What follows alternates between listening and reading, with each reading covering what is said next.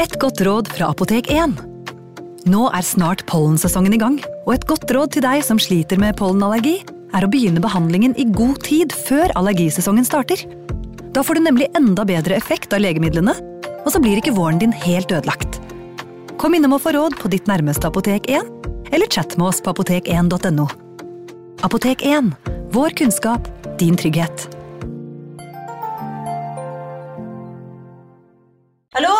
Jeg kommer fra Oslo politikammer. Ine Jansen er purk. Er du purk? The motherfucking bitch. Alt jeg vil, er å finne ut hva som skjedde med mannen min. Jon Carew. Er jeg sikta for noe? Iben Akeli. Det er du. Ole So, Lars Berrum og Big Daddy Karsten. Hvem sin side er du på, egentlig? Anette Hoff, Tone Danielsen, Kommer du fra Afrika? Jørnis Josef, Nesten. Kløfta. Trond Espen Seim, Det er synd å si det, men det var feil mann som døde. Purk. Premiere tirsdag på TV2 Play. Ungsamtalen fra DNB er økonomisk veiledning tilpasset deg som er ung.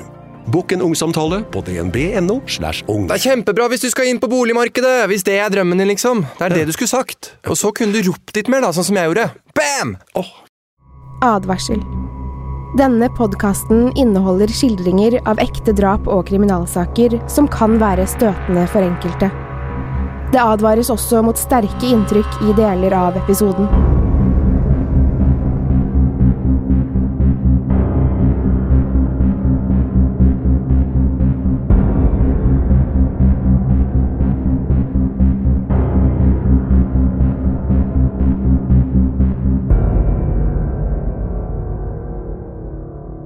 Nå skal vi til 9. november 1881. Mary Kelly var yngre enn de andre ofrene. Hun var født i Limerick i Irland og giftet seg med en offiser. Dessverre døde han i en eksplosjon kort tid etter ekteskapet. Og hun var veldig lei seg etter ektemannens død. Hun ville flytte til en annen by, starte på nytt. Hun valgte Cardiff i Wales, men livet gikk ikke som hun hadde håpet der heller. Hun hadde lite penger og så seg nødt til å prostituere seg. Hun bodde i Cardiff en kort periode før hun valgte å flytte til London. Hun fikk seg jobb på et luksusbordell og tjente en del penger i starten, for hun var både pen, sjarmerende og flink til å synge. Man vet ikke så mye mer om Mary enn dette. Og dette her er blitt fortalt til politiet av en venn av Mary. Han het Joseph Barnett. Han, Mary bodde hos han i frem til to uker før hun døde.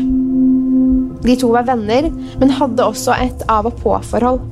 Um, De hadde hatt en voldsom krangel, og Mary hadde sagt at hun ikke tjente nok penger på noen annen måte enn å prostituere seg. Så det var derfor hun solgte kroppen sin. Mary hadde flyttet ut samme kveld som de kranglet, og leid seg inn på et rom på et vertshus. De hadde ikke snakket sammen på noen uker, før samme kveld som Mary ble drept. De hadde møttes i 20-tiden og hadde hatt en hyggelig tone. Etter møtet hadde Mary gått ut for å jobbe, og flere vitner på vertshuset hadde sett Mary komme hjem ca. kvart på tolv. Hun hadde åpenbart drukket og sang slik hun pleide når hun var full. Mary hadde med seg en ukjent mann. Han var i 30-årene, men han så litt herjet ut. Han var tynn, han hadde stor bart og bowlerhatt på seg. De to hadde gått inn på Marys rom, og flere hørte Mary synge på rommet sitt. Hun hadde blitt sett senere den natten også, ca. klokken to, da hun hadde spurt en mann på gaten om han kunne gi henne noen penger. Mannen hadde svart nei, og Mary hadde gått til en annen mann. Vitnet som observerte dette, han het George, og av en eller annen merkelig grunn så fulgte han etter Mary og mannen. De to gikk inn i vertshuset der Mary bodde, sammen. Mannen Mary gikk med, han så jødisk ut ifølge George. Han hadde en lang, mørk frakk, hatt og støvler, og så bar han på en liten veske eller pakke. I de tidlige morgentimene hører flere naboer svake skrik. Det høres for noen av dem ut som om kvinnen skriker 'mord'. Men de var ikke helt sikre på om det var det hun ropte. For skrikene var såpass svake at ingen av dem trodde at det sto om livet til noen. Det var umulig å si hvor ropene kom fra. Klokken kvart på elleve neste morgen blir Thomas Boyer sendt til vertshuset for å hente husleie av gjestene. Han banker på hos Mary Kelly, men ingen åpner. Han banker igjen, litt irritert fordi han tenker at hun gjemmer seg fordi hun ikke vil betale husleien. Han kikker gjennom vinduet og ser noe han tror er to stykker kjøtt liggende ved siden av sengen på nattbordet. Han går tilbake til kontoret sitt og snakker med sjefen, og de to bestemmer seg for å ringe eller for å kontakte politiet. Inne i rommet ligger 25 år gamle Mary Kelly på sengen sin. Hun er kuttet opp overalt. Kroppen hennes er åpnet, den er sprettet opp. Hun ligger på ryggen under henne ligger blodige laken. Så godt som alle innvoller var fjernet fra buken hennes, og de var lagt på nattbordet ved siden av henne. De ligger på venstre side. Brystene hennes er kuttet av. Fjeset hennes beskrives som hakket opp. Nesen, øynene leppene og øreflippene er delvis kuttet av. Hjertet var borte, og Mary var nesten halshugget, slik som de andre. Hun hadde dødd av forblødning fra halsen, og resten av mutileringene var gjort etter at hun døde. Men Mary var et annerledes offer. Hun var i midten av 20-årene, ikke i 40-årene, slik som de andre. Hun var ikke alkoholiker. Hun drakk litt innimellom hvis hun hadde penger til det. Men Mary var den eneste som ble drept innendørs. De andre ble funnet på gaten kort tid etter at de hadde blitt drept. Marys kropp var også den som var mest skadet. Hun var maltraktert og nesten ikke til å kjenne igjen. En av politikonstablene som fant Mary, sa dette til en journalist. Det jeg så der inne, klarer jeg ikke å glemme. Det så mer ut som djevelens verk enn noe et menneske kunne ha gjort. Jeg har hørt mye om Whitechapel-mordene, men jeg sverger til Gud at jeg aldri trodde jeg skulle oppleve noe som dette. Hele åstedet er verre enn hva jeg klarer å beskrive. Jeg håper aldri jeg kommer til å se noe slikt igjen. I begynnelsen trodde politiet at Whitechapel-mordene var gjengrelaterte. Det fantes mange rivaliserende kriminelle gjenger i området, og de hadde hvert sitt område. De styrte bydelens prostituerte, og hvis noen av dem beveget seg over på de andres territorium, så ble de drept. Etter de første drapene forsto politiet at det ikke var gjengrelatert likevel. De jobbet ut fra at morderen hadde en viss kjennskap til anatomi, da noen av ofrene hadde fått organer fjernet, og kuttene på halsen var gjort med en viss presisjon. Morderen hadde også en ganske god kjennskap til området.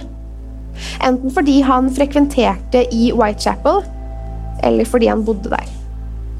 Hver eneste gang kom han seg usett fra åstedene. Han må ha kunnet blande seg inn i mengden. Han må ha sett ut som hvem som helst. Han hadde jo trolig mørke klær, og naturlig nok ville han ha hatt blodsøl på klærne sine etter de brutale angrepene på disse kvinnene. Men politiet tror også at han hadde utgitt seg for å være interessert i å kjøpe sex av kvinnene. At han tilsynelatende var en mann man kunne stole på. Kvinnene som ble drept, var ganske like. De var prostituerte, som oftest alkoholiserte, og desperate etter å tjene penger, naturlig nok, da flere av dem hadde barn å forsørge. Kvinnene var som oftest alene da de møtte Jack the Ripper. Han var selvsikker nok til å ta livet av dem på åpen gate. Og selv om noen kunne komme hvert øyeblikk. Han må ha hatet kvinner, grunnet måten han drepte dem på. Han ville at de skulle dø fort. De, blø de, de blødde jo i hjel på kort tid, og han ville også ødelegge for dem ved å legge dem oppstilt for å sjokkere den eller de som fant dem. Morderen ville skape frykt. Han ville at de skulle være redde for han, særlig prostituerte kvinner. Han må ha hatt et stort problem med at kvinner solgte kroppene sine, og han kan ha sett på drapene som en rettferdig straff for det de gjorde. At han fjernet organer fra noen av kvinnene, kan ha kommet av at han ville ta noe fra dem. Noe dypt inni dem som ingen andre hadde hatt. Han ville kanskje eie dem etter at de var døde. Og jeg personlig tror han følte at han gjorde rett i å drepe disse kvinnene.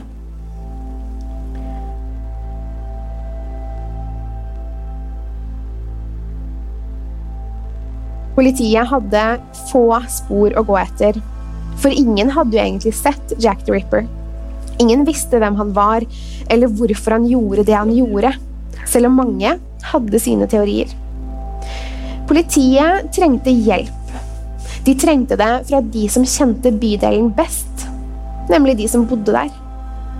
De trengte også sine beste menn på saken, og ansatte en gammel veteran, Frederick George Aberline. Han hadde etterforsket mange drap og Whitechapel-saken var vanskelig pga. alle ryktene. Pressen hjalp veldig lite, for de trykket usannheter som selvfølgelig folk trodde på, for man trodde på hva som sto i avisene på den tiden. Dessverre så gjør vi jo det i dag òg, selv om ikke alt stemmer. Um, men de tegnet Jack the Ripper uh, som en slem sånn tegneseriefigur. Han så ut som en sånn ondskapsfull mann med, med et sånt ondt smil og en krage og mørk frakk. Så det var jo ingen som forsto hvordan Jack the Ripper egentlig så ut, for alt de tegnet, var jo feil. De Så Det var ingen som visste hvem eller hva de skulle se etter. Og det var pga. pressen, pga. tegningene de trykket. For politiet hadde jo snakket med vitner som kanskje hadde sett Jack the Ripper.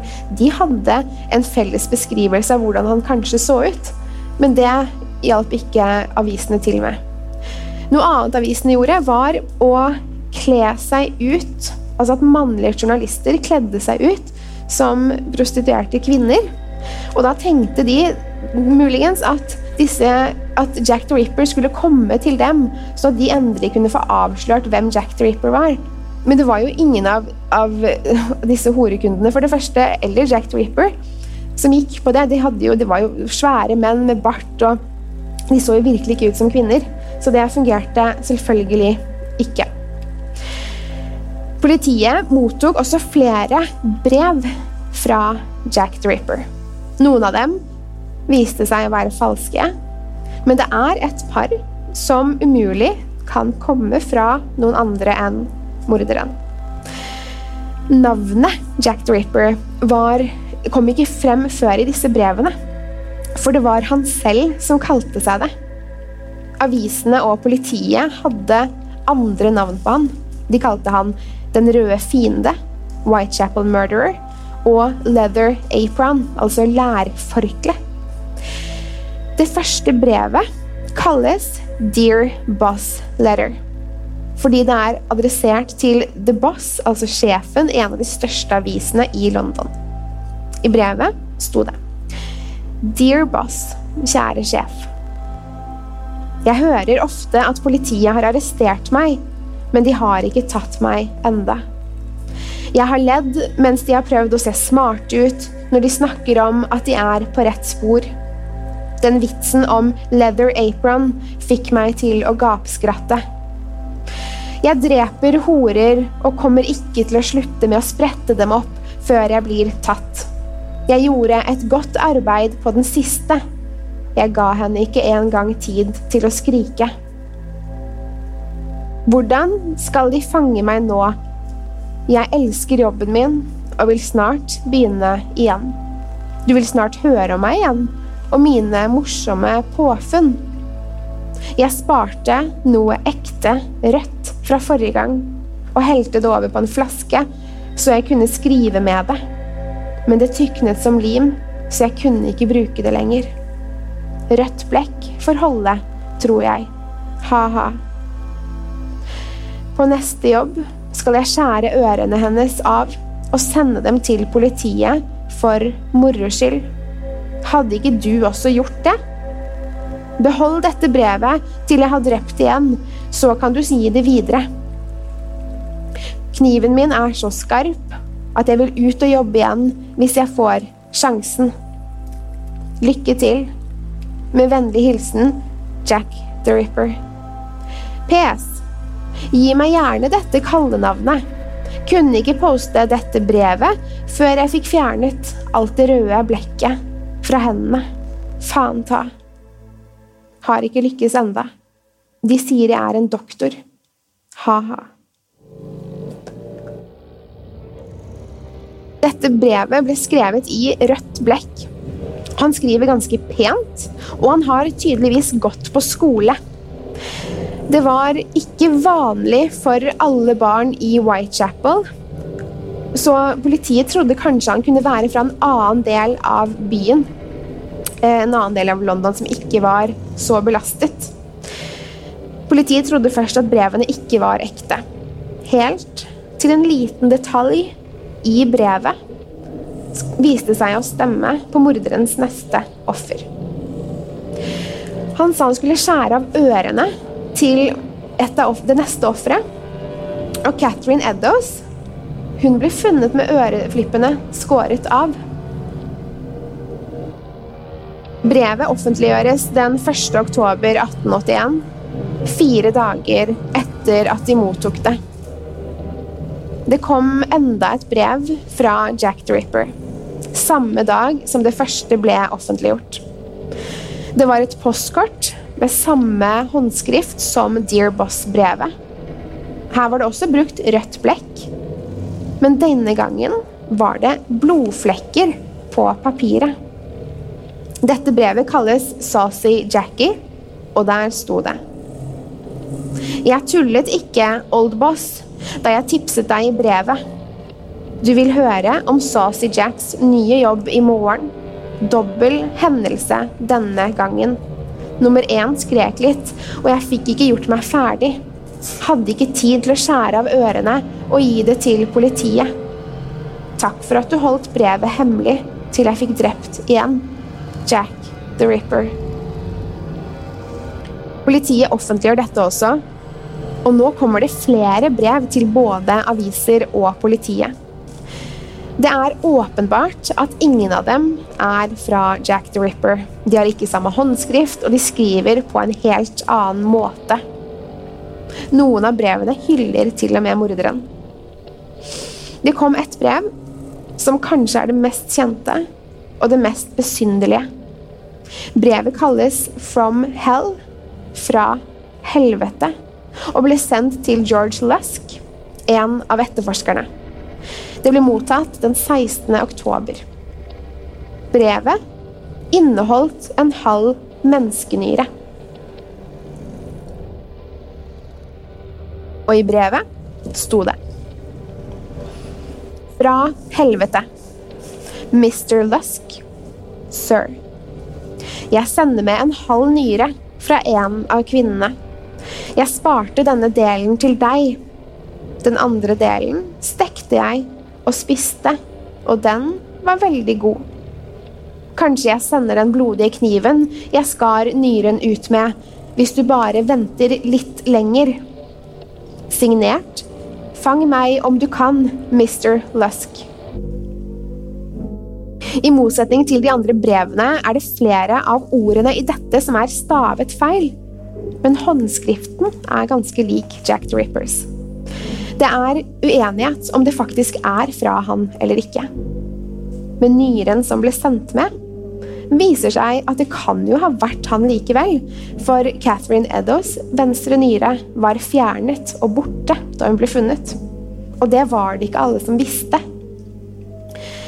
Både nyren og brevet er forsvunnet i dag, og man har aldri kunnet teste om det faktisk var Eddo sin nyre, og om det var noen likheter med eh, Jack the Rippers eh, håndskrift eller ikke. Vi vet faktisk ikke om brevet er falskt, eller om det er fra morderen selv. Men så har vi de mistenkte. Og det har vært langt over 100 av dem. Noen kjente personer, andre kanskje ikke så kjente. Det er mange forfattere og journalister som opp gjennom årene har hevdet og har funnet ut hvem Jack the Ripper var. Senest i år har det skjedd. Men det er ingen som har klart det. Så Siste gang som nevnt at noen klarte det, var jo bare for noen måneder siden. En forfatter hadde ansatt noen forskere som skulle teste DNA fra gjenstander som kunne ha tilhørt Jack the Ripper eller ofrene. Det stemte jo ikke denne gangen heller. Og det er trist at motivet bak disse avsløringene er å tjene penger. Og nye Scotland Yard har jo flere ganger gått ut og avkreftet at DNA-matchene stemmer. Noen mener selvfølgelig at det er en konspirasjon. Men så lenge ikke Scotland Yard går ut og bekrefter at disse testene stemmer, så er det vanskelig å tro på det. Frimurlosjen var mistenkt en stund. Det var også prins Albert Edward Victor og en av rettslegene. Men dette var det ingen bevis for, og ingen av dem er sett på som mistenkt i dag, selv om det er flere som mener at det finnes et brev um, som beviser, skal bevise at prins Albert Edward er Jack the Ripper, eller var. Um, og det skal visst være voktet av slottet selv, eller Buckingham Palace og kongefamilien. Det er jo en konspirasjonsteori jeg tenker at vi ikke går inn på i dag, men da har dere i hvert fall hørt om den. Den første mistenkte er Montague John Druitt. Han tok eksamen i Oxford i 1888 og var ferdig utdannet advokat. Han fikk jobb som professor på en kostskole, Blackheat School, og gjorde en veldig god jobb der, så han steg i gradene og fikk en ordentlig høy jobb. Det gikk rykter om at Druitt var homofil, og det var jo ikke lov på den tiden så skolen ga han sparken. Samtidig mister han begge foreldrene sine. De dør, og Druitt er uten jobb og familie. Han forsvinner. Han blir meldt savnet av naboer og venner den 31. desember 1888. Flere uker senere blir han funnet flytende i Themsen. Han tok trolig livet sitt. Men hvorfor er han mistenkt? Han passer for det første beskrivelsen til eh, Jack the Ripper. Alder. Barten hans. Han var pent kledd. Men det er det som linker han til saken, er en uttalelse i en bok fra en politisjef som, heter, som het Melville Leslie McNathan. Han skrev dette sammen med noen andre journalister, og de mente at Jack the Ripper kan ha vært sønn av en kirurg. Og siden drapene og brevene stoppet så brått, gikk det rykter om at morderen druknet i Themsen. Slik som Druitt gjorde. Montague, eh, Magnaten skrev Jeg har alltid hatt sterke mistanker mot han.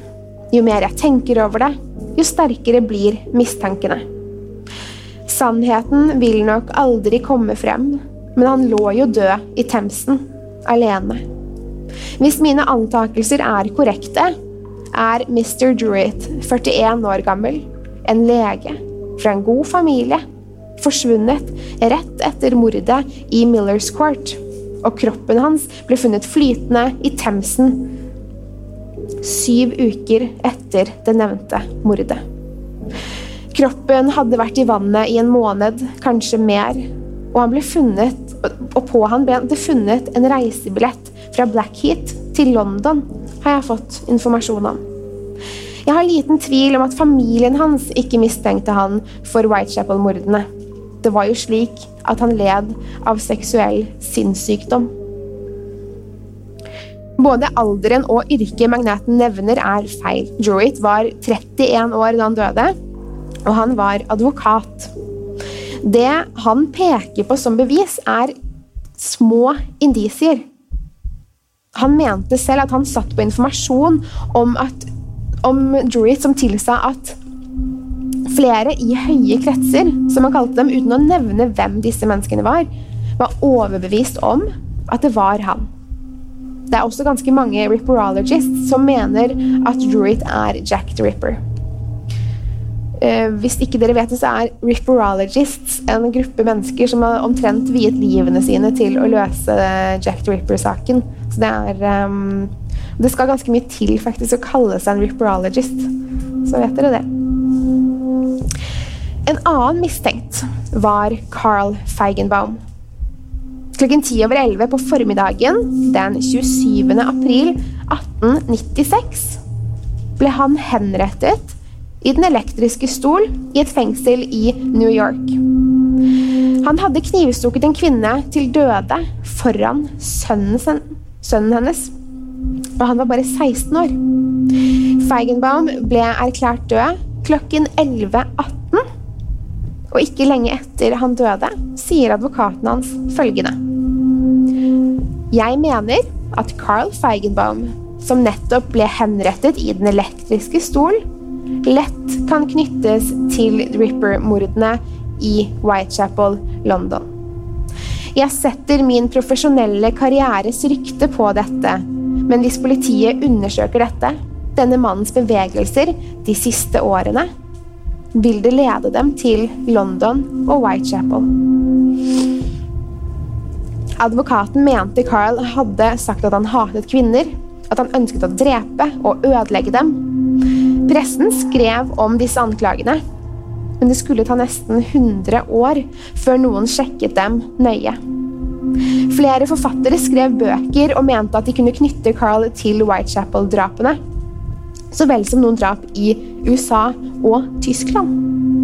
Men selv om det ikke finnes noen konkrete bevis for at Carl var i Whitechapel da mordene ble begått, undersøkte en skotsk kvinne som var kriminolog og antropolog, saken i 2011. Hun mener at Whitechapel-mordene mest sannsynlig ble utført av samme person, men at det ikke er umulig at Carl kan ha drept ett av ofrene, men ikke alle. Så igjen, Det er også en teori som er ganske usikker, som sier at alt er mulig og ingenting er umulig. Det finnes veldig, veldig mange mistenkte, men jeg velger å ta med én til. For det er han som ble som forskere og forfattere mente var Jack the Ripper nå i år. Aaron Kusminski. Magnaten som skrev om Druitt, nevnte jo flere mistenkte i denne boken sin. Han nevnte også Kosminski. Han skriver dette. En polsk jøde, og han bodde i Whitechapel. Denne mannen var gal og gjorde mange ulovligheter. Han hadde et voldsomt hat mot kvinner, spesielt de prostituerte. Han hadde drapstanker og ble sendt på galehus i mars 1889. Flere tror Kosminski er Jack the Ripper. Politiet som jobbet med saken, hadde sterke mistanker mot han, også med tanke på det som var skrevet med kritt på veggen. Han var mentalt syk, han var sint, og han var ustabil. Han var trolig paranoid schizofren. Men det betyr jo ikke at han er en morder. Kosminski han bodde på mentalsykehus fra 1894, ikke 89 som magnaten skrev, og frem til sin død i 1919. Han viste aldri noe sinne, Han viste aldri hat mot kvinner. Han hadde ingen drapstanker, ifølge behandlerne og legene sine. Den eneste gangen han var sint, var en gang han løftet stolen sin og sa han skulle slå en av behandlerne fordi han ikke ville legge seg den kvelden. Det finnes ikke så særlig mye mer om Kosminski. Heller ikke så mange bevis mot han som tilsier at han er Jack the Ripper, selv om disse forskerne mener at de har hans DNA som beviser det. De mente at DNA fra sjalet til Catherine Eddowes, som hun hadde på seg, og som var knytt rundt halsen, hadde hans DNA på seg. De har ment dette før også, men det viste seg at dette sjalet det er kontaminert. Det er tatt på av så mange mennesker fra det ble funnet og til i dag, at testing ikke ville konkludere med noe som helst. Ingen vet hvem Jack the Ripper var. Han er blitt en myte, en legende. Det var andre tider da saken ble etterforsket og bevisene ble håndtert. Noe som gjør det vanskelig å teste det materialet som faktisk finnes i saken. Mange av brevene og andre viktige bevis er forsvunnet. Og det gjør det jo vanskelig å se for seg at Jack the Ripper-saken noen gang kommer til å bli løst. Det finnes flere titalls andre mistenkte, men jeg valgte å ta med tre av dem som jeg synes er veldig interessante. Det finnes guidede turer i London, hvor guiden tar dere med til alle åstedene. Barer kvinnene frekventerte, steder flere av de mistenkte har bodd, og også der ofrene leide rom.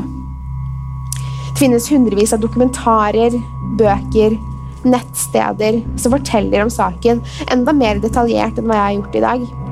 Og hvis dere ønsker å vite mer, anbefaler jeg en nettside som heter jack-the-ripper.org. Der finner man masse bilder av ofrene, eh, hvis dere vil se hvordan dette så ut. De finner bilder av brevene og av de mistenkte og mer informasjon om de. Tusen takk for at dere har hørt på True Crime Poden live.